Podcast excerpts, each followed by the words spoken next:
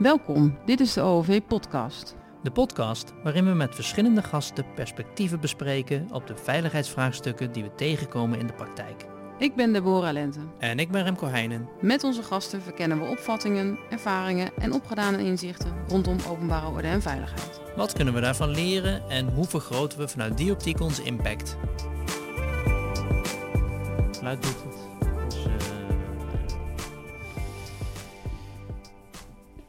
Welkom uh, Hans. Goedemorgen. Onze podcast. Dank voor de uitnodiging Graag om mee gedaan. te beginnen. Ja, Ja. ja, leuk. Ja, ik vind het bijzonder dat je hier bent, want we kennen elkaar al, eh, al een tijdje. Hilversum was het volgens mij, Hilversum, de eerste keer. Ja. Hilversum, 2010, 2011 of zo. Zou kunnen. Lang geleden in elk geval. Ik zal je even kort voorstellen. Je bent eh, begonnen als voorlichting, voorlichter, sorry, voorlichter en politiek coördinator van een politieke fractie. Je werkte daarna als hoofd PR en voorlichting bij de NS. Vervolgens ben je als plaatsvervangend directeur communicatie begonnen eh, bij het ministerie van Binnenlandse Zaken. En toen ook woordvoerder van ministers geweest. In die tijd heb je het expertisecentrum voor risico- en crisiscommunicatie opgericht. En Ja. dat heeft mede geleid tot de werkwijze in crisiscommunicatie vandaag de dag. Ja, In het heden kennen we je meer als schrijver, mediatrainer en communicatieadviseur met de hermetische, dan wel universele wijsheid als vertrekpunt. mhm. En je weet bestuurders en communicatieprofessionals als geen ander een kritische spiegel voor te houden, een ander perspectief. En ja, dat is natuurlijk waar deze podcast helemaal over gaat. Mhm. Welkom Hans Siepel. Dankjewel. Als ik nu om me heen kijk, dan zie ik een stikstofcrisis. Ik zie berichten over klimaatcrisis. Ik nou, Crisis in, de, crisis in de zorg. crisis in de zorg. Crisis in de, op de huizenmarkt. crisis in de landbouw. Internationale spanningen, criminele organisaties die onze rechtsstaat bedreigen. Ja. Wat is hier aan de hand volgens jou? Hoe kijk jij hier tegenaan? Nou, ik denk dat velen met mij wel tot het inzicht komen en zijn gekomen dat waar we naar zitten te kijken iets van een orde is wat je niet in elk leven meemaakt, om het maar zo te zeggen. Er komen heel veel crisis samen die op de een of andere manier ons allemaal iets voorhouden dat we misschien wel aan het einde zijn van zeker tijdperk. Dat we aan het einde zijn beland van wat het systeem, als je het even zo mag formuleren, aan, aan oplossingen te bieden heeft. En er komen heel veel crises samen en die agenderen zich allemaal tegelijkertijd. En de oplossingen voor al die vraagstukken lijken er niet te zijn. We horen allemaal om de havenklap crisis in de, in de zorg, grote tekorten die alleen maar toenemen. In het onderwijs, grote tekorten die alleen maar toenemen. In andere publieke diensten, grote tekorten die alleen maar toenemen. En als je heel goed nadenkt, en als je, nou, je hoeft er niet eens zo goed over na te denken, elk kind kan die conclusie trekken, dat voor al die vraagstukken eigenlijk geen oplossingen zijn. En we houden elkaar een beetje vast door te wijzen op technologische vooruitgang, Mhm. eh, innovatie, zeg maar van die toverwoorden die gebruikt worden, zo van ja, dat moet het dan gaan doen. Mhm. Dat moet de oplossing gaan brengen. Maar de vraagstukken zijn zo, ik zou zeggen haast existentieel, excuses, dat we ons misschien de vragen moeten stellen of we niet naar anders zitten te kijken. Mhm. En wat de consequenties zijn van, bijvoorbeeld eh, de conclusie die Rotmans trekt, en hij, eh, hij staat er niet alleen in, dat we echt het einde van een tijdperk beleven. En dat we in transitie zijn. Dat we eh, van een institutionele werkelijkheid, zoals hij dat noemt. Transitie vind ik wel vriendelijke klinken. nou ja, het is in elk geval een, een, een verandering. We zijn in Mhm. een overgang. We sluiten dingen af. En dat is eigenlijk een heel natuurlijk gegeven. Elk individuele leven bestaat uit fases. Je moet een keer wat afsluiten. Dan moet je een nieuw begin Mhm. maken. Dat is een beetje de natuur der dingen, om het maar zo te zeggen. Het Mhm. ritme van het leven. En je ziet nu dat als samenleving en internationaal systeem een beetje aan het einde zijn gekomen. En dat, en dat is ook wel veelzeggend, ook steeds meer geluiden klinken die zeggen, we, eh, is er wel zoveel reden om trots te zijn op die samenleving die hebben we gecreëerd. Eh, er is nu een hele groep psychologen die de moed hebben om te zeggen, joh, de samenleving die we hebben gecreëerd is ziekmakend. En dat lees ik dan en ik, daar staat nogal wat. Want wie creëren de samenleving? Wie zijn verantwoordelijk voor, Ja, de, de- voor de Ja. organisaties en de instituties die we bedacht hebben? Dat zijn allemaal spelers, dat is de politiek, dat zijn beleidsmakers, dat zijn wetenschappers die het allemaal bedacht hebben. En nou zijn we op het punt, en de geluiden klinken steeds indringender, dat mensen zeggen, ja maar dat wat jullie mee gecreëerd hebben is ziekmakend. Eh, mensen worden er letterlijk ziek van. Nou ja, en dan kom je op het punt dat je de moed moet hebben om een aantal hele indringende vragen aan jezelf te stellen. En wat ik te veel zie nu, is dat de verantwoordelijkheid voor heel veel vraagstukken altijd bij de samenleving wordt gelegd. Het zijn altijd wij die het niet goed doen. Het zijn altijd wij die het anders moeten doen. Ja. Eh, maar ik denk dat we de moed moeten hebben, wat ik al zei, dat je ook naar jezelf durft te kijken. En jezelf echt de vraag durft te stellen. Als nou wordt gezegd in die hele transitiediscussie dat bepaalde denkwijzes en visies niet meer voldoen. En dat bepaalde oplossingen en aanpakken niet meer voldoen. Dan moet Hmm. eerst de vraag gesteld worden, over waar hebben we het dan? Over welke oplossingen voldoen dan niet meer? Mm. Over welke eh, problemen hebben we het dan? Mm. Ah, hoe komt het dat we een samenleving hebben gecreëerd die ziekmakend is? Ah, wat, wat, wat betekent dat dan? Om vervolgens, als je die vragen hebt beantwoord en een beetje in kaart hebt gebracht waar een deel van de problemen liggen, en ook antwoord hebt op de vraag waarom zijn die instituties zelf ziekmakend en waarom kunnen die niet meer dat leveren wat geleverd moet worden. Misschien, zonder daar te ver in te voeren, mag ik het illustreren met wat ik momenteel zelf in eigen privéomgeving Mm. meemaak. En dat gaat over de zorg. Mm. Eh, we weten, de zorg kost handenvol geld, 100 miljard. Eh, we weten ook dat we een hoeveelheid disciplines en, en deskundigheid hebben gecreëerd en je kan er bijna niet meer overheen kijken. Maar de vraag die gesteld moet worden, levert de zorg nou datgene waar mensen in een moeilijke, ziekelijke positie waar ze soms in zitten, levert die nou? En als ik het even mag illustreren, is voor mij erg actueel het verhaal van mijn, mijn schoonmoeder momenteel, die is ernstig ziek, Eh, die woonde nog thuis, dementerend, allerlei fysieke klachten. En een paar maanden geleden waren wij het eigenlijk al wel, en ook alle hulpverleners erover eens, er moet een opname komen. Er moet Mm. gediagnosticeerd worden, wat is het nou precies, om vervolgens te kunnen bepalen welk traject gaan we nou in. Gaan we de palliatieve zorg, of is er nog mogelijkheden om te helen? En die oplossing kan niet geboden worden. Het systeem kent die oplossing niet, want er is geen plek en er is geen ruimte. En wat het effect dan is, is toch een beetje in een leidersweg thuis, waar allerlei hulpverleners en zorgverleners, allemaal met de goede bedoelingen, allemaal in en uitlopen, eh, maar elkaar eh, niet informeren, elkaar soms tegenspreken. Mm. Eh, de ene deskundige naar de andere komt binnen en dat is een enorme hoeveelheid deskundigheid geworden. En als je dan met, even, met enige afstand kijkt en de vraag stelt, maar wordt nou geleverd waar behoefte aan is? Want de oplossing is niet ingewikkeld. Het vraagstuk van in dit geval mijn schoonmoeder is niet ingewikkeld. Maar dan kan het het systeem niet leveren. En wat het ook niet levert, is dat waar veel mensen in de ouderenzorg behoefte aan hebben, Ja. die hebben behoefte aan gehoord te worden. Die hebben behoefte aan aandacht. Die hebben behoefte aan liefde. Eh, en wat organiseren we voor die mensen? We hebben fysiotherapeuten. We hebben, eh, we hebben eh, mensen die eh diëtistes. We hebben een ouderengeneeskunde. We hebben een geriater. We hebben een psycholoog. En al die mensen lopen eromheen. En wat hebben die nou, als we de moed hebben om die vraag te stellen, nou echt te bieden? Sluit het aan bij de vraag die er leeft. En het antwoord op die vraag is nee. Nee. En soms denk ik wel, we hebben een overschot aan deskundigen, we hebben een Hmm. overschot aan experts, we hebben een overschot aan disciplines gecreëerd, die allemaal, eh, ik zou zeggen, werken volgens hun eigen eh, systematiek.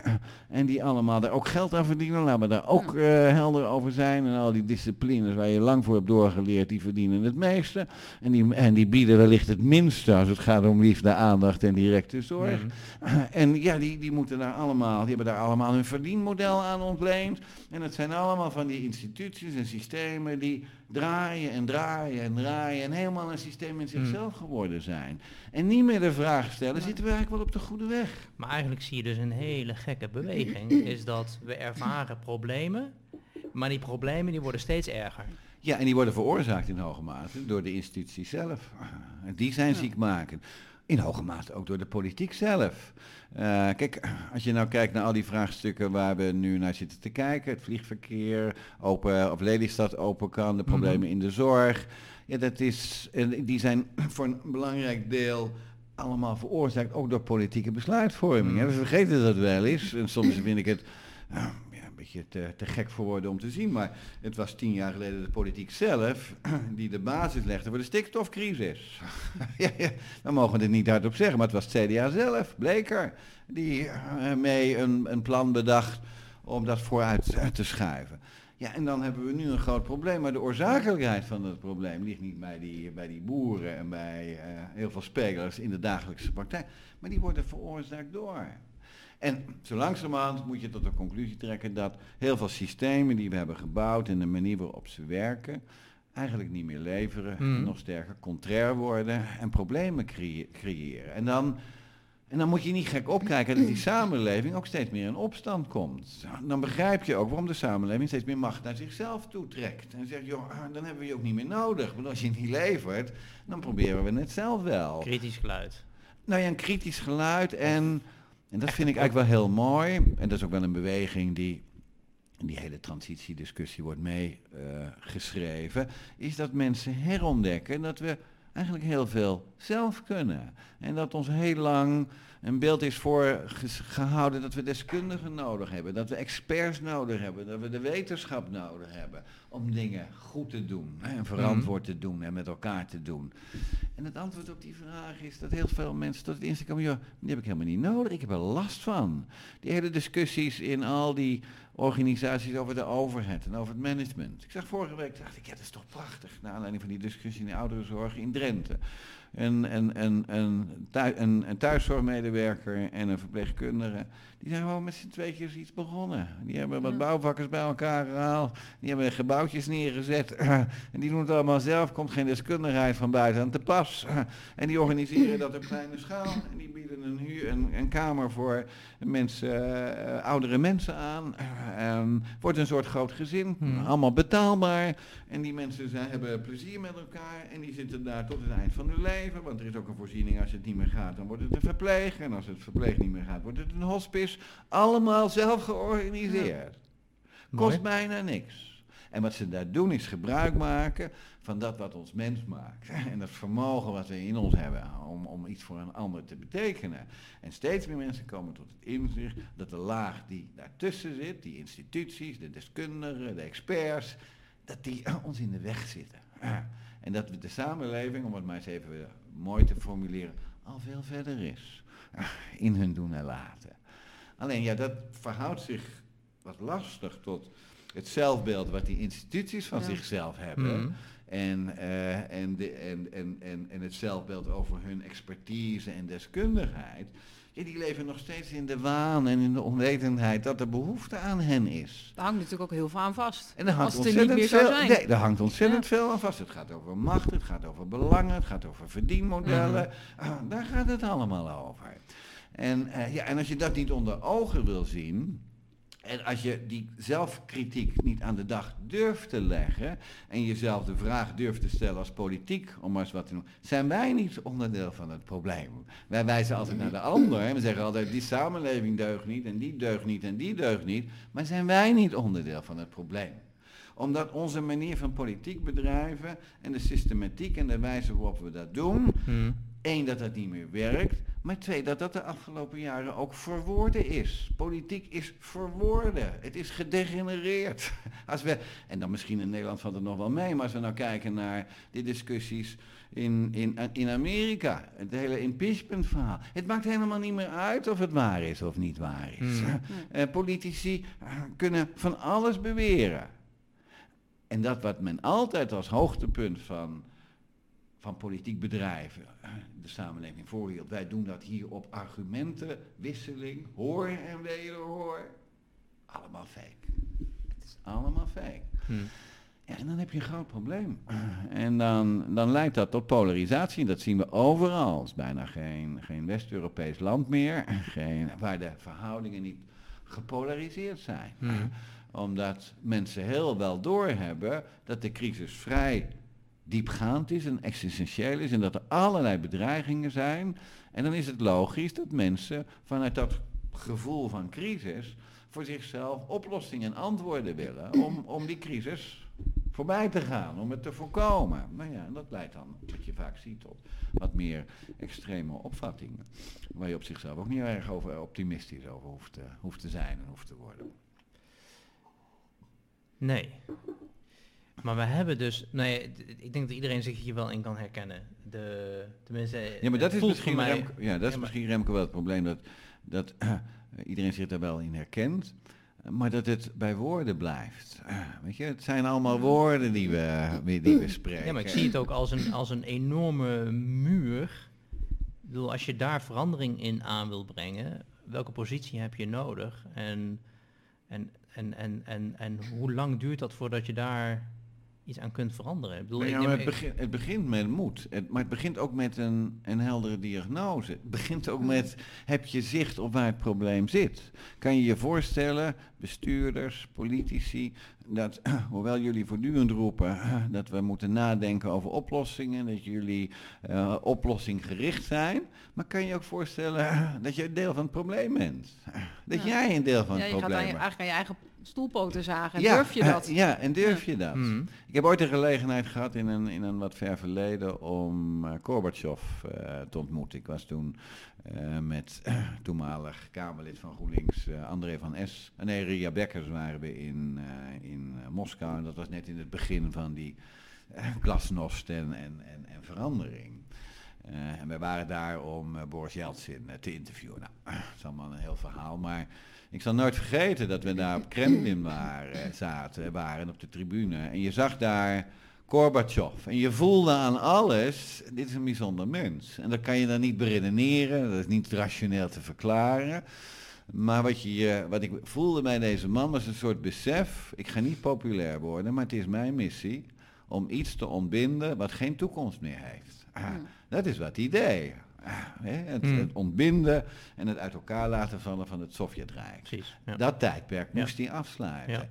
En wij staan voor een vergelijkbare missie om ook iets af te sluiten. Om te erkennen en te durven erkennen dat we niet door kunnen op het bestaande. Dat economische groei ah, en het verdienmodel zijn grenzen heeft bereikt. En dat we onszelf moeten heruitvinden. En dat dat onderdeel uitmaakt van die enorme transitie waar we in zitten. Waar het oude niet mee kan naar het nieuwe. En waar we kritisch moeten reflecteren op wat was het oude dan? En wat is het nieuwe dan? En eh, is het zo, wat ons nu door sommigen wordt voorgehouden, hè, Ingo Piepers, eh, misschien hebben de mensen er ook over Hmm. gelezen, die nu de publiciteit zoekt en ons eigenlijk voorhoudt, joh, we hebben een Europees kampioenschap voetbal, komt eraan, hè, 2020 Olympische Spelen, en kijk, Mooi. wiskundig bepaald, Ja. ook nog WO3. Ja. hey, we gaan er even lekker voor zitten met die chips en de stukjes kaas.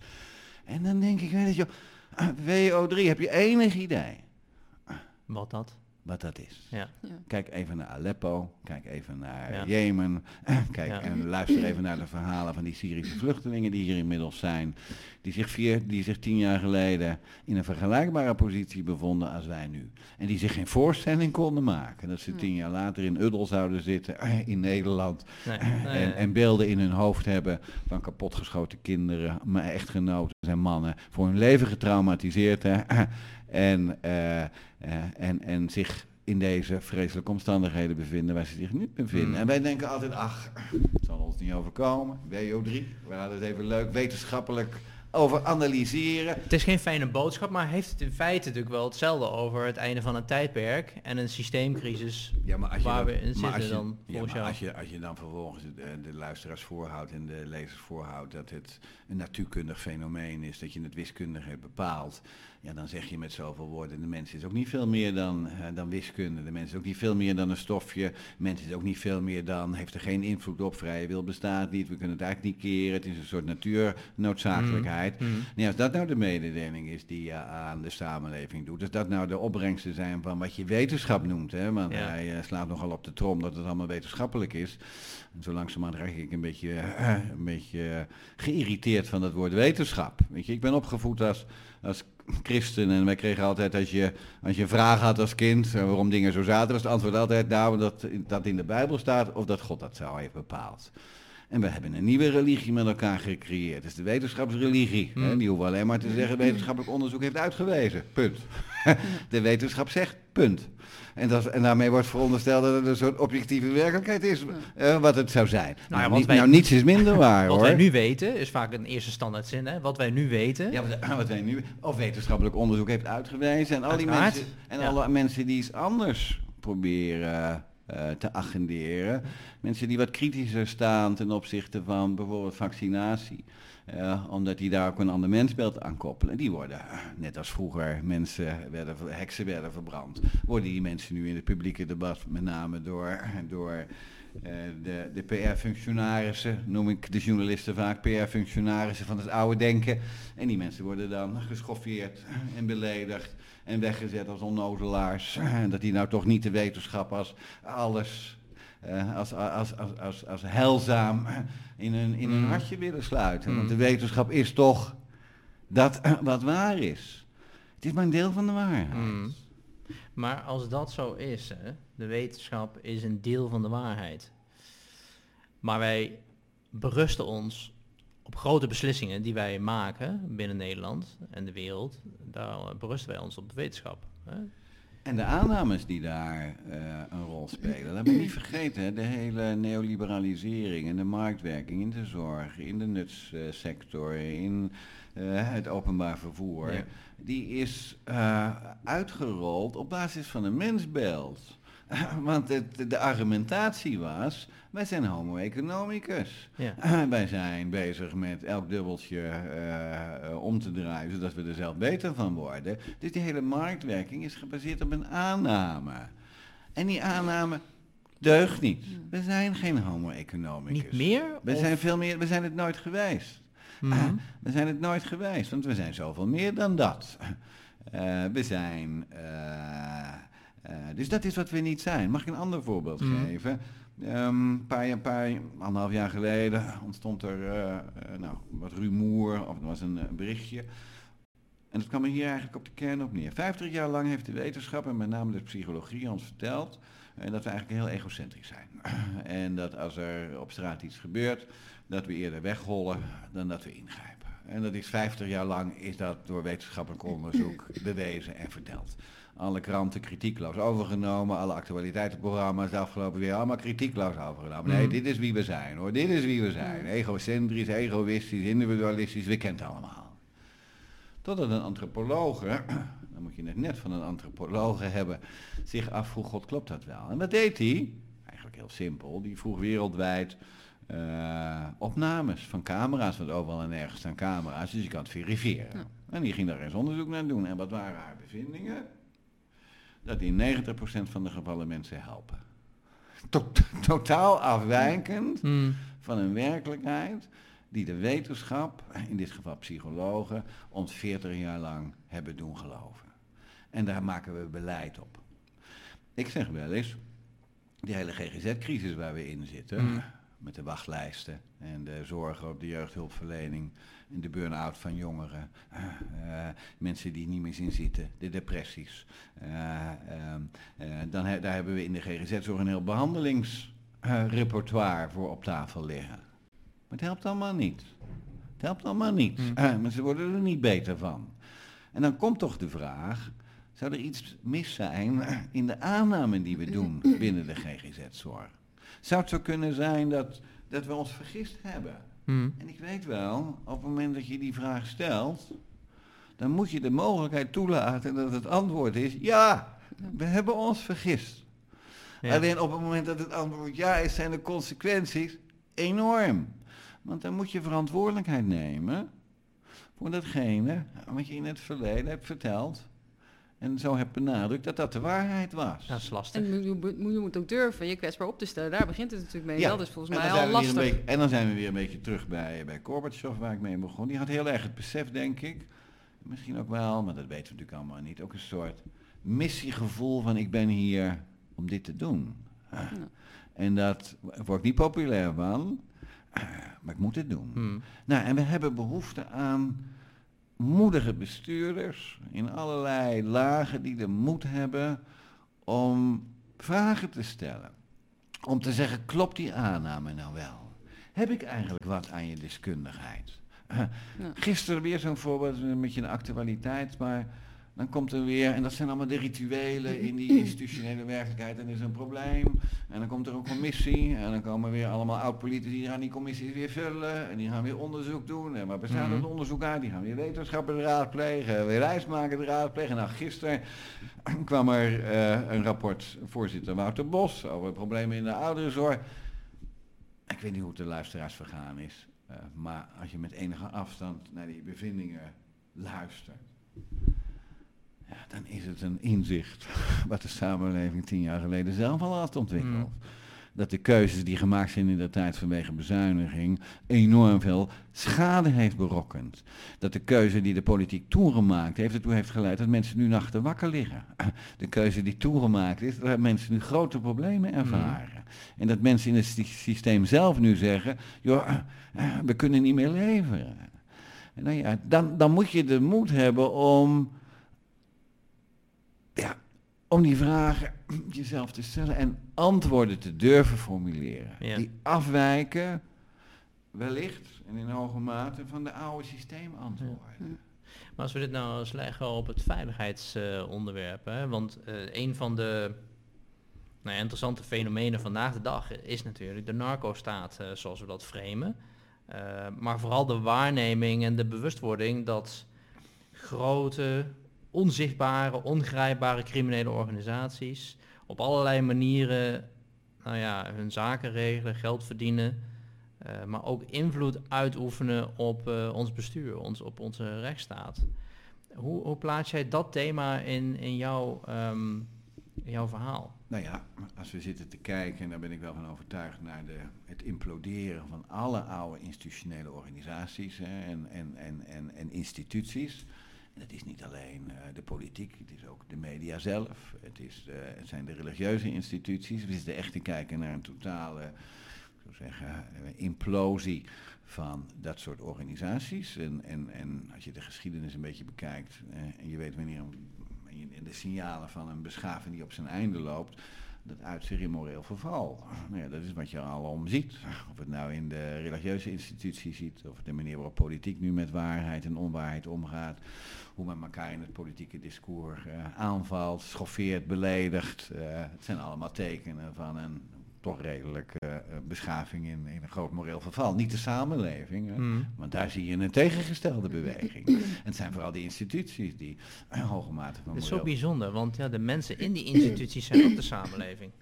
Nou ja, dat is waarom steeds meer mensen in die instituties, gewone burgers, moeite hebben met hetzelfde levensritme van die instituties. Hmm. Eh, eh, even terug naar mijn, mijn, mijn schoonmoeder. Die moest gisteren dan toch uiteindelijk opgenomen worden. Maar alle mensen die mijn vrouw dan tegenkomt, of, of er nou de broeder in de ambulance is, of de medewerkster in het ziekenhuis, ze zeggen allemaal hetzelfde. Ja, het systeem. Het systeem, het werkt niet meer. Dat is wat je vaak hoort Ja, inderdaad. zeker. maar dat Dus- zie je er ook inderdaad als je het hebt over, over ehm, de enorme nou ja, hè, wachttijd die je hebt. Als iemand is eh, opgepakt voor een delict. Ja. En vervolgens duurt het maanden, dan wel jaren voordat iemand uiteindelijk voor de rechter verantwoording Ja. gaat afleggen. Ja. En al die tussentijd, bedoel, dat is ondenkbaar, maar dat is ook wel hoe wij dat dan zien. Ja, Ja. Dat is het systeem waar we nu in zitten. Ja, ja. Eh, officieren van justitie zitten tot aan de nok toe vol met werk. En ook hier, hè, kijk, ik moest er, ik moest er, vond het ook een beetje cynisch haast van politici eh, om, ik zou zeggen, eh, het ondermijnen van de rechtsstaat te wijten aan al die mensen die een beetje behoefte hebben aan geestverruimende middelen. Hè. Zegt trouwens ook heel veel. Waarom is er zo'n enorme behoefte in een ziekmakende samenleving dat mensen de behoefte hebben om er even aan te ontsnappen, om even Mm. in een in een gemoedelijker toestand Mm. te komen. maar goed, even dit terzijde. Maar ook hier geldt dat het de overheid en de politiek voor een deel zelf is die de rechtsstaat aantast. Door ook hier weer de bezuinigingen zijn doorgevoerd. Hoeveel rapporten zijn er inmiddels niet verschenen? Hoeveel rechters hebben inmiddels niet het woord gevoerd? Hoeveel advocaten hebben inmiddels niet in al die praatprogramma's gezegd... joh, het gaat niet de goede kant uit. We zijn bezig met het ondermijnen van de rechtsstaat. En dan hadden ze het niet over criminelen. Nee, ze hadden het over de overheid en de politiek zelf. Van binnenuit. Van binnenuit. Nou ja, en dat wordt dan verteld en dat is dan een mening en we gaan over tot de orde van de dag. en dan hebben we een dag later komen er weer andere mensen vertellen over hoe het allemaal niet meer goed gaat. En dat horen we dan. Ik, nou ja, die hebben wel gelijk. Hup, en we gaan over tot de orde van de dag. Dus kortom, al die signalen, al die crisissen bij elkaar opgeteld, en het zijn er inmiddels zoveel, het zijn er inmiddels zoveel, Ja, ja. dat het een existentiële crisis is. En al die bestuurders en al die mensen die in het veiligheidsdomein werken, die zien de resultanten daarvan. Of je nou politieagent bent en je ziet verwarde mensen op straat. En je denkt, ja, maar daar ben ik eigenlijk helemaal niet van. Ja. Maar je, bent, je hebt het wel te doen, omdat er Mhm. geen GZ-zorg faalt. Omdat Ja. er geen oplossingen zijn. Ja. Eh, Je ziet veel meer mensen op straat leven en wonen. Ja, daar, daar heeft een gemeenschap en een stad en een dorp last van. Maar als je dan de verhalen van die mensen hoort, dan heeft dat voor een deel te maken met dat ze wel een andere werkelijk zouden, eh, woning zouden willen hebben, omdat ze gescheiden zijn, om door allerlei omstandigheden, maar dat die er niet is. Eh, Met alle problemen die zich dat weer met zich meebrengt. Dus kortom, het is een enorme meaboire van, van vraagstukken en, en, en, en, en, en, en problemen die, omdat we misschien te weinig moed hebben om naar onszelf te kijken, voortdurend wijzen naar de ander en allerlei oplossingen aandragen, waarvan we eigenlijk, als je, als, je, als je er een beetje naar kijkt, nu al weet dat dat de oplossingen niet zijn. Omdat de diagnose die erachter zit niet meer klopt. Omdat de aannames niet meer kloppen. Omdat het oud denken is, wat niet meegenomen kan worden naar iets wat zich nu aan het formeren is. Anders horen ze je niet. En dat is een opgave, maar ik zou zeggen, joh, eh, raak er ook een beetje enthousiast van. Een beetje, dat je het opnieuw mag uitvinden. En dat je tot de ontdekking mag komen dat alles niet in beton gegoten is. Mm. Dat die verhalen van piepers over wiskundige formules en dat het onafwendbaar is, dat het een kulverhaal is. En dat het niet zo is. Dat wij als kans. mens... Ja, dat wij als mens... Kijk, misschien mag ik daar, daar nog op wijzen. Ik heb, eh, we, we zijn allemaal opgevoed met al die oude verhalen, hè, sprookjes en allemaal van die mooie kinderverhalen. Maar wat we vergeten zijn, is dat in dat verhaal, in al die verhalen, of het nou de Don Roosjes zijn, of de religieuze verhalen, of de oude mythes, de legendes, en je treft ze in alle culturen aan. En daar zit in al die verhalen, daar zit een soort vast script. En men noemt dat, iemand heeft er eens een mooi boek over geschreven, de standaardroute van de mythologische helden. En hoe ziet die standaardroute eruit? Hm. En waarom, en waarom is dat eigenlijk van betekenis dat je hem loopt? Nou, die ziet eruit, en dat begint altijd met oproep tot het avontuur. En wat is dat oproep tot het avontuur? Altijd crisis. Het aangaan van de crisis. Nee, het is altijd crisis. Een crisis is altijd een oproep tot avontuur. Omdat een crisis je dwingt. En dat is, banen te ja, oh, ja. omdat een crisis nou net je omver gooit en al het houvast eh, er niet meer is. En dat Ja. je op moet opstaan en opnieuw moet leren lopen, maar dat je niet zoveel hebt aan dat wat was. Ja.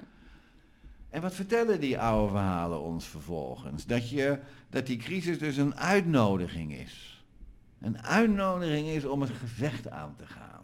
Om het gevecht aan te gaan, voor een deel met jezelf, Mhm. maar in het grote geheel ook een gevecht aan te gaan met dat wat was. En om te ontdekken of er iets nieuws te vinden is. En die verhalen vertellen ons vervolgens dat, dat de held die erin slaagt, die dat gevecht aangaat, en daar, en daar de lessen van leert, die wordt wijs. Hè, die wordt Ja. wijs.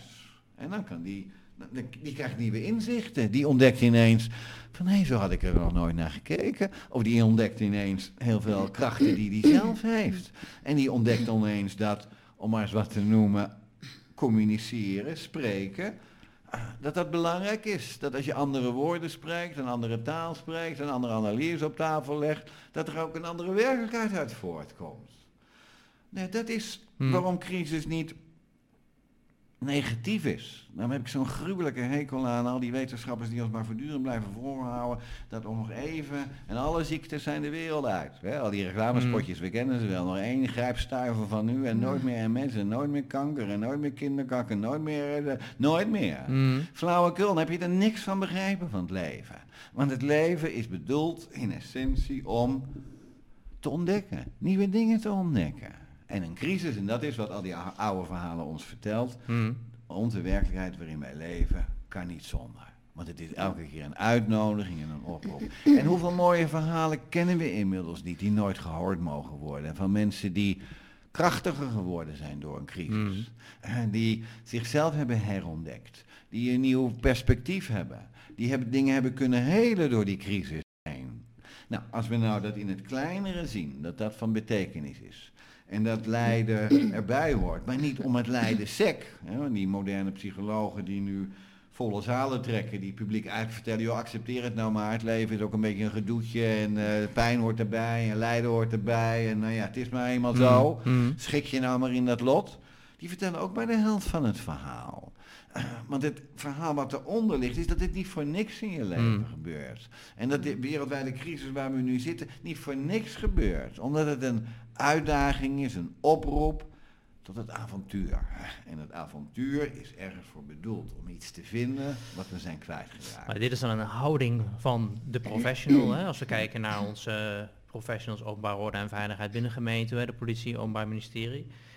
Het zou een mooi, eh, mooi denkframe kunnen zijn. Het is alleen niet een mooi communicatieframe. Van, oh meneer, mevrouw, u heeft een probleem. Zie het als een uitdaging. Zie het als een avontuur. Nee, nee, nee, maar dit, dan maak je dat, dat punt eh, te persoonlijk. Want natuurlijk zijn er problemen die, die opgelost moeten worden. Maar waar het om gaat is dat er wat ruimte moet komen in het publieke eh, debat.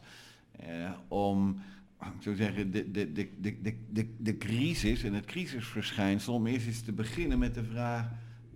Wil het ons iets vertellen? Mm. En wil het ons iets vertellen? We moeten echt drastische En veranderingen. zo ja, wat wil het ons vertellen? Ja. En heb je het gevoel dat dat zeg maar niet in de instituties niet gebeurt, maar ook zeg maar bij de individu niet? Of zit dat Ja, op alle ja, lagen? die samenleving is er volop mee bezig. Ja, En dus niet het komt alleen- alleen niet naar boven. Nee, dat en is eigenlijk wat en, je zegt. en niet alleen Ja. hier. Weet je wat ik zo fascinerend vind? Is als je, als je eh, de ontwikkelingen volgt, de demonstraties in Hongkong, die, die jongeren die daar vooral op straat gaan, wat een Ja. helden. Die hebben echt door waar het om gaat. Maar ook in Irak, die jongeren, voordat die... eh, Egypte? Egypte. Nou ja, Ja. heel, veel, heel veel mensen, ja, de Egypte is natuurlijk wat moeilijk, Ja. maar heel veel jongeren gaan de straat op.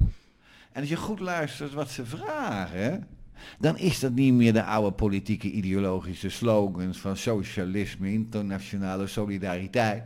Of ook niet meer, wat interessant is, benadrukken ze hun religieuze identiteit. Nee, maar ze omvragen is fatsoen, Hmm. gerechtigheid. Een beetje fatsoenlijk leven. Dat de overheid levert. En dat is een taal en dat zijn woorden die ja, de politieke, het politieke verschil en de religieuze verschillen ver voorbij is. En ze zeggen het ook, en dat is mooi. Mm. Er moet een heel ander systeem. Het is niet meer mogelijk om een beetje aan te passen een referendumje links en rechts. hè. Hmm. Nee, het systeem zelf is het probleem. Nou ja, dat klopt dan weer bij die brede beweging die ook Jan Rotman schetst, dat we van een institutionele werkelijkheid op weg zijn naar een andere werkelijkheid. En het is niet alleen in Nederland, niet alleen in West-Europa, het is wereldwijd. Ja, ja. En dat je die beweging ziet, dat mensen opstaan en zeggen, maar zo gaat het toch niet langer. Maar dit is op macroniveau, is dit zichtbaar. Ik probeer het een beetje te vertalen naar Arnhem, naar mijn wijk. Ehm, hoe, vertaalt, hoe vertaalt dat, hè, de, de, de, de wereldwijde eh, gebeurtenissen, de, de, de krachten die spelen, hoe vertaalt dat zich tot, tot het handelen of het niet handelen van collega's op de werkvloer? Wat vra vraagt dat ook moed van ze? Vraagt het moed van, is het dezelfde moed die jij bedoelt, dat bestuurders, lokale bestuurders, een halt toeroepen tot eh, georganiseerde criminaliteit? Vra- is dat diezelfde moed? Ja, het is, het is moed om eh, eh, psychiaters, mensen die menen verstand te hebben van wij als mens, om die tegen te spreken. Het vraagt moed om eens een publiek debat te beginnen. Zo van, wat is hier eigenlijk aan de hand in de, in de GGZ-zorg? Wij als overheid, hè, lokale overheid. Met inwoners. we, nou ja, ook met de instanties zelf. Wij betalen ons suf. Hoeveel belastinggeld gaat er niet aan, eh, aan hulpverlening voor mensen die psychische en mentale problemen hebben? Eh, Maar als je nou ziet wat het netto resultaat is van al dat geld wat je eraan besteedt, wat mensen er een beetje beter van worden. We zijn de laatste jaren eh, getrakteerd op talloze verhalen van jongeren en mensen die stuk gelopen zijn in diezelfde GGZ-wereld. Omdat niet geleverd wordt. ja. Omdat we het hebben het opgesplitst van het ene deelfacet naar het andere deelfacet. Een andere deelfacet waar weer allerlei deskundigen bij horen die allemaal individueel zeggen het eh, ware woord te hebben. Weet je, we hebben het allemaal zo complex gemaakt Ja. dat uiteindelijk, en zo begonnen we ons gesprek, ook niet meer geleverd wordt dat waar behoefte aan is. Durven bestuurders die discussie aan? Durven ze tegen de, Mhm. met zijn naam altijd kwijt, tegen die eh, neuropsycholoog Scherder geloof ik, met dat baardje Mhm. die overal en nergens het publieke debat vervuilt. Want ik vind het echt vervuilen met zijn gedachten over dat we ons brein zijn. Durven bestuurders oppositie te plegen? Durven ze in de publieke debatten te zeggen, joh, hou eens op met die onzinverhalen. Want dat klopt niet. En als je dat als vertrekpunt hanteert, dan komen we niet toe aan hele in onze stad in Arnhem van heel veel problemen die mensen hebben. Want mensen hebben heel veel problemen. Die voor een belangrijk deel worden veroorzaakt door de overheid zelf, door de politiek Mhm. zelf. Hoeveel problemen hebben gemeentebestuurders, mensen in het veilige domein niet op te ruimen? Als Ja. gevolg van foute keuzes in het politieke Ja. debat. Accepteer dat niet meer. Maar we- weet je waar ik aan moet denken als we het, als we het zo hebben over dat ehm, de gevestigde orde, die ik het maar even zo, eh, zo benoem, ehm, het af laat weten of, of niet in staat is zeg maar, om de juiste dingen te doen. Eh, maar dat we, ons veel meer, dat we veel meer moeten kijken naar onszelf, naar onze leefomgeving, eh, collega's, buren, familie. Eh, de oproep tot burgerparticipatie, de oproep tot zelfredzaamheid, dat soort termen, misschien zijn het wel weer heel erg ambtelijke termen, maar ligt dat niet in het verlengde van, nou ja, hoe kijk je daarnaar? Nee, ik zou, toen je het woord burgerparticipatie is typisch een term die de institutie bedenkt om eh, de burger uit te nodigen, maar vanuit een soort veronderstelling dat ze dat te weinig doen. Ik zou het eigenlijk willen omdraaien. We hebben Ja. behoefte aan institutionele participatie. in, in- in, in die zin dat, we, Ja. dat die organisaties zich bewust worden, jullie zijn geen eisende partij meer, wij zijn de eisende en vragende partij en dat doen we voor een deel op andere inzichten. En dat betekent Maar dat dat er... klinkt wel heel erg mooi. En, en, maar, dat betekent, ja, maar dat betekent dat we gebruik maken, in de samenleving, en daar staat het steeds meer toe, van de professionaliteit in de samenleving, van de Mm. deskundigheid in de samenleving, van het vermogen dat we ah, eigenlijk heel veel zelf kunnen organiseren. En die initiatieven zien we. En, zien we. en er zijn talloze gemeentes die die weg ook aan het bewandelen zijn, die op zoek zijn naar, eh, naar het, het innemen van de kracht en de vitaliteit en de inzicht en de professionaliteit die in de samenleving zit.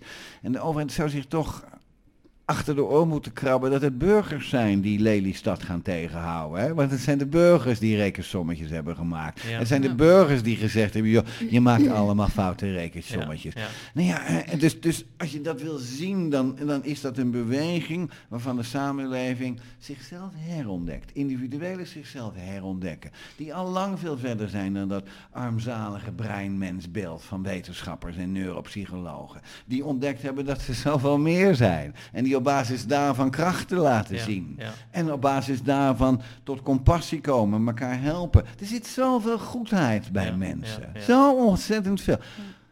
Exploreer dat. Weet je, maak dat vrij. Geef dat een kans. Maar Alleen, en dat is misschien het probleem, het is geen verdienmodel. Nee. En daar zit een groot probleem, want er valt met liefde niet zo heel veel te verdienen. Weet je, ik, kijk, ik heb dat hele modelletje samen met Frank Rechtvoort over de crisiscommunicatie. Een reuze eenvoudig Ja. modelletje. Weet je, als je mensen dat één keer vertelt, snapt iedereen het. Nou, Het model bestaat sinds 2011, is het geïnstitutionaliseerd, om het maar zo te zeggen. En als ik dan kijk wat er in de afgelopen jaren gebeurt, hoeveel mensen daar geld aan verdienen, en dit weer problematiseren, ingewikkelder maken. Allemaal, ja, allemaal omdat het systeem zelf moet overleven. Ja. En ik zei laatst tegen iemand, als je nou heel goed kijkt, dan zie je dat het levensritme van die instituties en de manier waarop het werkt en de, en de wijze waarop we met elkaar omgaan en de no- noodzaak om daar allerlei dingen te produceren en af te leveren. Maar de zuurstof van dat systeem wordt meer en meer de stikstof van de samenleving. We gaan eraan onderdoor. En daarom zeggen mensen, jullie samenleving is ziek. Ja, en dan is de vraag die erachter wegkomt, maar wie schept de samenleving in een belangrijke wijze? Ja, dat zijn toch echt die institutionele spelers, dat Ja. zijn niet de Ja. mensen zelf. Ja, die Ja. vormen in hun eigen kleine microwereldje de samenleving en die creëren hem met hun eigen woorden elke dag zelf. Maar die zijn onderdeel en die zijn voor een deel gegijzeld en gevangen eh, door die institutionele werkelijkheid. Ja. Die zegt het allemaal veel beter te weten. En het mooie zou natuurlijk zijn als instituties en samenleving op één lijn liggen en dat het een harmonieus geheel is. Ja, dat, dat, dat we onszelf opnieuw uitvinden. Ja. Dat we de moed hebben om te zeggen, hé, hey, we zitten echt in een heel interessant, als je dan neutraal mag formuleren, interessant tijdsgevricht, waar we op zoek zijn naar iets nieuws. Eh, en laten we op zoek gaan naar dat nieuws. En laten we de moed hebben om eh, kritisch te reflecteren, onszelf de vraag te stellen, is de wetenschap niet veel te veel doorgeslagen in haar almacht? En, eh, en wat betekent het, om maar eens even een voorbeeld te noemen, als het vraagstuk van van, van depressies, waar de, waar de samenleving ook een hoge prijs voor betaalt. Als nou blijkt dat er inmiddels miljarden, en wereldwijd misschien wel honderden miljarden onderzoeksgelden aan zijn besteed en ze nog steeds geen begin van een antwoord hebben. En nog geen idee hebben wat ze er vervolgens in therapeutische zin mee moet doen. Hmm. Ja, dan moet je toch een keer ook tegen jezelf durven te zeggen, joh, waarschijnlijk zoeken we verkeerd. En waarschijnlijk kunnen we dat geld beter besteden aan iets anders. Maar het zijn allemaal autonome processen, processen geworden. En daar wordt straks weer een, uh, zal weer ergens een actie zijn een deze dagen. Dat we weer geld moeten binnenhalen voor de hersenstichting. En dan nog even, en dan lossen we ook dat probleem weer op. En zo gaat het maar door, en zo gaat het maar door, en zo gaat het maar door. Totdat het een keer implodeert in elkaar lazen, maar dan zijn we te laat. Ja. Hmm. Dus minder aannames doen, eigenlijk meer out of the box denken en kijken. Out of the box denken. Ja. Luisteren naar uh, wat sporters soms vertellen. Dat vind ik altijd zo fascinerend. ik heb nog nooit een sporter horen zeggen die een hoogtepunt had in zijn sportcarrière, een gouden medaille of uh, de weerreis van zijn leven reed. Hmm. En de journalist stelt dan altijd de vraag, wat dacht je? Nou, ik heb nog nooit een, uh, een, een sporter horen zeggen wat hij op dat moment dacht. Wat hij altijd zegt, en dan zouden we gewoon eens de vraag moeten stellen, wat betekent dat eigenlijk als hij dat zegt? Hij zegt altijd, of zij zegt dat, ik dacht niet. Ik zat in de flow. Hmm. Oké. En waar zat je dan? In een flow. En dat is toch wel wonderlijk, en sommigen voegen er nog aan toe, en dat moet natuurlijk een een aanslag zijn op de klassieke verlichtingsdenkers die de ratio als het kroonjuweel van, uh, van de wetenschap definiëren. En dan zegt zo'n sporter ook nog, nou ja, als je gaat denken, dan gaat het fout. nou ja, dan organiseer je weerstand. Dan organiseer je weerstand. Voetballer uh, Frenkie de Jong gevraagd, wat, is, wat, op, op, basis waarvan doe je het? Oh, zit ik doe alles op gevoel en intuïtie. Ja. Durven we de vraag eens te stellen? Wat hij daar eigenlijk zegt. Ja. En wat is de intuïtie dan? Zijn dat stofjes in je hersenen? Zijn dat chemische verbindingen in je hersenen? Dan antwoord op die vraag is nee. En wat is het dan? Nou ja, dan is het een kracht waar we over beschikken. Ja. En dit tijdsgevricht nodigt misschien uit om die kracht weer eens te gaan verkennen. En is, en dat heb ik natuurlijk in mijn, in mijn, in mijn tijd de afgelopen jaren gedaan, om eens te kijken of er geen bronnen zijn en of er geen literatuur is die daar iets meer over weet te vertellen. En dat is er volop. En dan kom je bij, ik zei het in je inleiding, dan kom je bij de wijsheid, universele wijsheid of universele wijsheid, die overigens, vergis je niet, inmiddels door miljoenen mensen in dit land zijn herontdekt. Eh, die, uh, die nu ineens met volle overtuiging aan mindfulness doen. Waarom? Omdat ze zich gerealiseerd hebben dat ze meer zijn dan hun brein. Eh, die het uh, de therapeutische traject zijn ingegaan. Op zoek naar wie ben ik ten diepste. En die komen allemaal uit binnenin. Binnenin. Ik heb een nieuwe kracht ontdekt. En dat is precies waar ik het eerder over zei, die, dat mm. verhaal van die mythologische helden. Die zeggen, joh, als je, de, als, je, als je de oproep tot het avontuur verstaat, aan het einde vind je iets. Dan vind je de heilige graal. Nou, we hebben wij er in het klassieke westers denken van gemaakt. De heilige graal is een soort schaal geworden. Nou, de symboliek van de heilige, schaal, heilige graal, waar we naar op zoek zijn, is veel simpeler. Dat is namelijk extra energie. Hm. Geestesenergie. Hallo, hoe ingewikkeld kan het zijn? Ja. Nou, dat, is de, dat zijn de verhalen die de samenleving zelf vertelt. Zelf, die, die dat agendeert. En dat vind ik wel het mooie. Dan zie je in de, in de, in de sportverslaggeving, uh, zeker het afgelopen jaar rond de successen van de NL zelf en Ajax en de wonderbaarlijke voetbalwedstrijden die we zagen. Dan zie je die sportverslaggevers, ja, die, die schrijven erover in termen van wonderbaarlijk, van een andere planeet. en niet van deze wereld. Uh, hoe kan het? Het is een wonder. Uh, goddelijk. Ja, allemaal dat soort woorden. Ja, dan is mijn vraag aan al die uh, mensen, wat schrijven ze daar? En wat is goddelijk dan? En wat is een wonder dan? Want ja, je kan niet zeggen dat we het niet hebben gezien. Nee. Want het heeft zich voltrokken. Ik kan zeggen, ja, wonderbaarlijk, goddelijk, niet van deze planeet, maar het heeft zich voltrokken. Dan moet je toch de vervolgvraag stellen, waar heb ik dan naar zitten kijken? Ja, waar heb ik dan naar zitten kijken? Nou, het antwoord is Ja. vrij simpel. Je hebt naar zitten kijken naar dat wat de geest vermag. Eh, Je hebt zitten kijken naar wonderbaarlijke, eh, wonderbaarlijke gebeurtenissen die kunnen, als je inclusief de geest weer wilt denken. Ja. Nou ja, ik, ik, kan me altijd, ik kan me heel goed vinden in de, in de gedachte dat er meer is dan dat we zien. Ja. Ik herken helemaal waar je het over hebt. Er, ge- er gebeuren dingen waar het verstand gewoon niet bij kan. Hè? Dit, Ook dit soort... eigen leven, hè? Hè? Ook ieders Ja. eigen leven. We maken elke Nee. dag, als je er bewust van bent, wel honderd van dat soort momenten mee. Ja. Een toevallige ontmoeting. Wanneer je denkt, die hebben we toch eerder gezien. Ja. Uh, of een gevoel wat je krijgt. Of een briljant idee wat ineens naar binnen komt en naar binnen schiet. We maken het elke dag mee. Alleen dan wordt ons verteld, stelt niet veel voor. Is een ik-illusie. het, is, eh, het is allemaal betekenisloos. Het geeft me ook meer hoop dan, eh, dan de komst van WO3.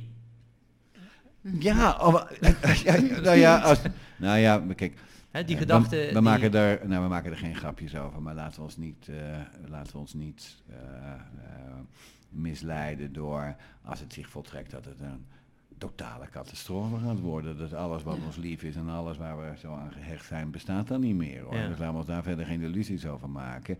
En misschien zouden we moeten luisteren naar de, de woorden die Thomas Mann, eh, misschien mensen kennen hem wel, groot Duitse schrijver, die in 1943 midden in de catastrofe die toen plaatsvond, eh, zijn boek presenteerde. Een heel dik boek, Jozef en zijn broers. Nou ja, niet doorheen te komen, zo dik.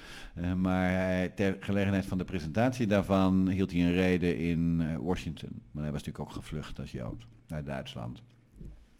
En de kern van zijn betoog kwam er eigenlijk op neer dat de catastrofe te wijten was aan het feit dat we, en dat de, eh, de belangrijkste spelers van toen, de politici, intellectuelen, filosofen, hij verweet en jullie hebben onvoldoende oog voor het feit dat de geest al veel verder is. Hm. De geest is al veel verder. En als je dat blokkeert, als je dat tegenhoudt, als je je daartegen verzet, en daar heeft Piepers dan wel weer gelijk in, dan leidt dat volgens energetische wetten noodzakelijkerwijs dat het een keer ontploft. Hm. En dan ontploft het in ons gezicht. Nou ja, en daar word je dan niet, niet, niet, niet, niet vrolijk Hmm. van. Ehm, dus alles bij elkaar, denk ik, en zo kijk ik tegen de dingen aan, maar niet alleen baserend op allerlei wetenschappelijk onderzoek of meningen, deskundigen, experts, maar vooral ook een beetje kijkend van wat hebben oude verhalen ons daar nou over te vertellen. Ja. En, dat proberen we ook in de, in de opleidingen en de, en de dingen die ik organiseer, probeer ik dat ook bestuurders. En dat is lastig, want we halen ze uit hun comfortzone. Hè? Want we, we nemen ze dan mee in, in het zicht, joh, kijk nog eens goed waar we naar zitten te kijken. En als je heel goed kijkt, dan zie je dat dit de crisis van de verlichting is. Dan Mm. zie je dat dit de crisis is van eh, dat wat we jarenlang voor waar en voor juist en voor eh, van betekenis hebben aangenomen. Nou ja, dat is nogal wat. Ja. Dus, dus we merken ook wel dat, dat als we die bestuurders daarin meenemen, dat deel resoneert het. Omdat, jij zei terecht, mensen in hun eigen leven, als ze geen bestuurder zijn, ook volop deel uitmaken van deze wereld. Ja, ja. En zien wat er wereldwijd gebeurt. En, en, en in hun privéleven ook mensen tegenkomen die de, die de mythologische heldenroute in hun eigen leven hebben doorlopen. En die ook hebben ontdekt dat eh, hun dementerende vader of moeder toch iets meer liet zien dan alleen maar hallucinatie en aftakeling. Kortom, weet je, dus, dus ja, dat is de volheid van, van wat ons mens maakt, die meegenomen wordt in de, in de institutionele Hmm. werkelijkheid. En steeds meer mensen lopen tegen de grenzen daarvan aan en ontdekken, het zal toch echt anders moeten. En de uitnodiging die we, die we doen is, joh, ontspan even. Vind het even niet zo erg dat je het niet meer even Ja, weet. ja. Eh, koester je even in. Oh ja, mag even. Ja. Weet je, ik hoef even niet het ultieme antwoord. En ga dan in gezamenlijkheid op zoek eh, naar iets nieuws. Met de moed om afscheid te nemen van het oude. Maar dit, hè, en volgens mij komen we dan ook wel tot een conclusie van dit verhaal, kan op ieder niveau. Dit kan op niveau van gemeente, provincie, rijk, als we het over instituties hebben. Dit kan op het niveau van een Bali-medewerker, groenmedewerker, beleidsmedewerker, manager, raadslid, bestuurder, collegelid. Het kan op ieder niveau. En, en ik zou wel een beetje naar een afronding toe willen in verband met de lengte van de podcast. want, want wat is nou de gedachte die we mee willen geven? Hè? Wat, met, met welke boodschap willen we die mensen nu... Eén, ontdek en besef je dat je zoveel meer van mag en kan. Twee, relativeer uh, de, de waarde van deskundigen, experts. Durf te erkennen dat je als team of als medewerker aan vanuit jezelf eigenlijk heel veel kan. En word je bewust van het feit dat we in verandering zitten. En word je bewust van het feit dat dit een tijdsgevricht is waarin je een keuze moet maken. Uh, ben je sloper? Ik hoorde laatst iemand dat zeggen, vond ik wel mooi. Kijk, als het oude weg moet, dan moet je slopen. Dus er moeten mensen zijn die sloopwerkzaamheden op zich nemen. En zeggen we, nou ja, wij nemen dat klusje wel voor onze rekening. En je moet bouwers hebben die het nieuwe bouwen. Nou, Ja. we zitten nu in een tijdsgewicht waarbij dat tegelijkertijd plaatsvindt. Sloopwerkzaamheden, terwijl een deel van de mensen nog proberen te voorkomen dat we die dingen gaan slopen, want die zijn er wel heel erg aan gehecht, of die verdienen er heel veel aan, of die hebben daar een machtspositie aan ontleend. Dus er is weerstand op dat sloopproces. Mhm.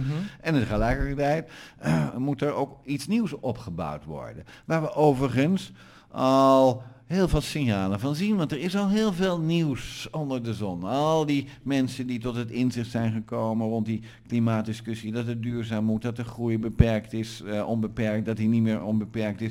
Dus dat er nieuwe vormen gevonden worden. Dat zien we volop. Er zijn duizend bloemen bloeien inmiddels in die samenleving zelf. Eh, alleen die worden vaak onvoldoende bewaterd hè, door, die, door die instituties die dat allemaal een beetje moeilijk vinden, allemaal een beetje ingewikkeld vinden. Maar eigenlijk zeg je, ga er nou op zoek.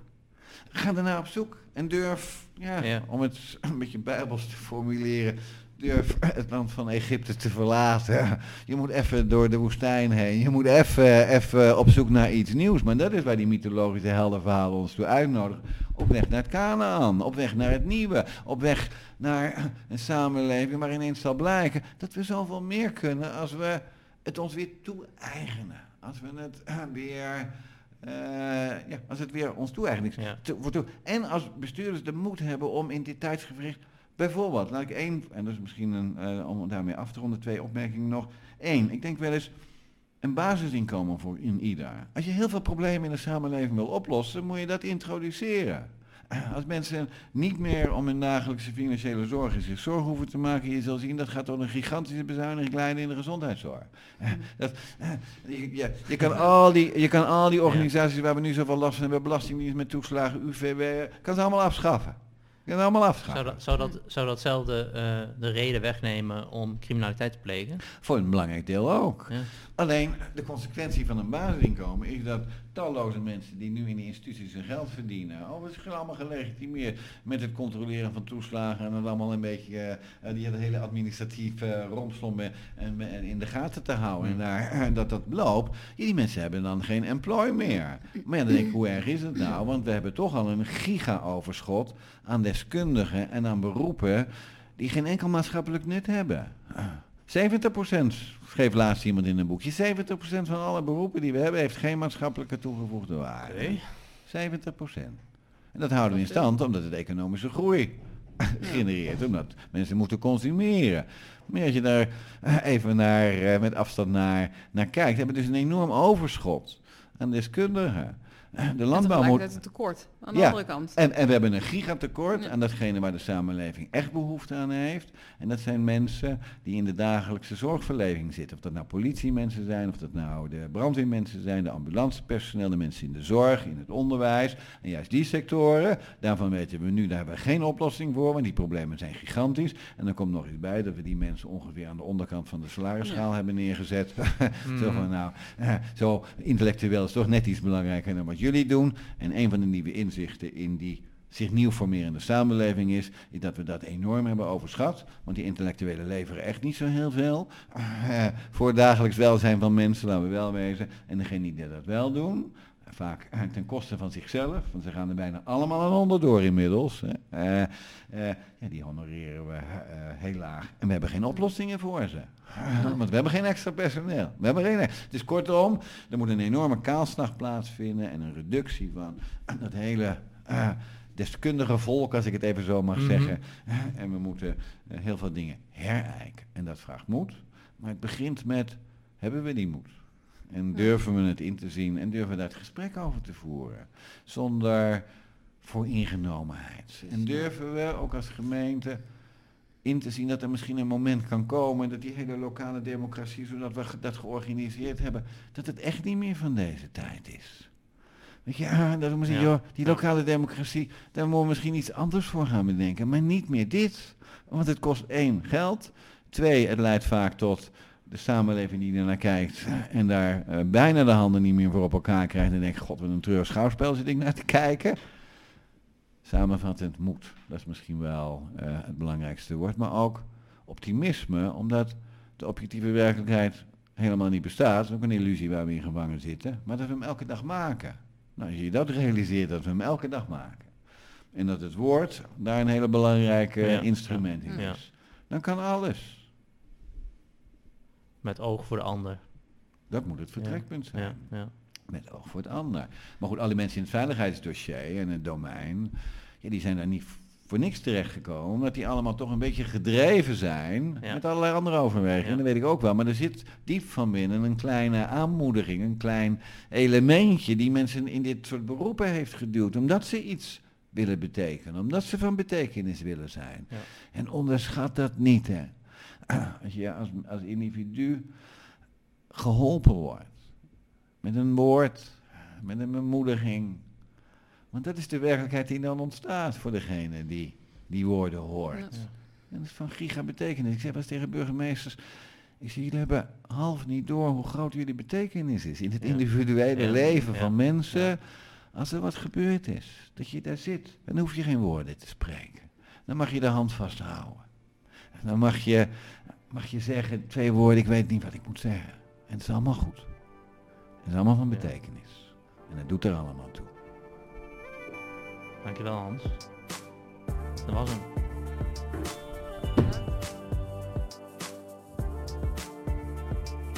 Bedankt voor het luisteren. Op oovonline.nl vind je de samenvatting van dit gesprek, met verwijzingen naar meer informatie over het onderwerp.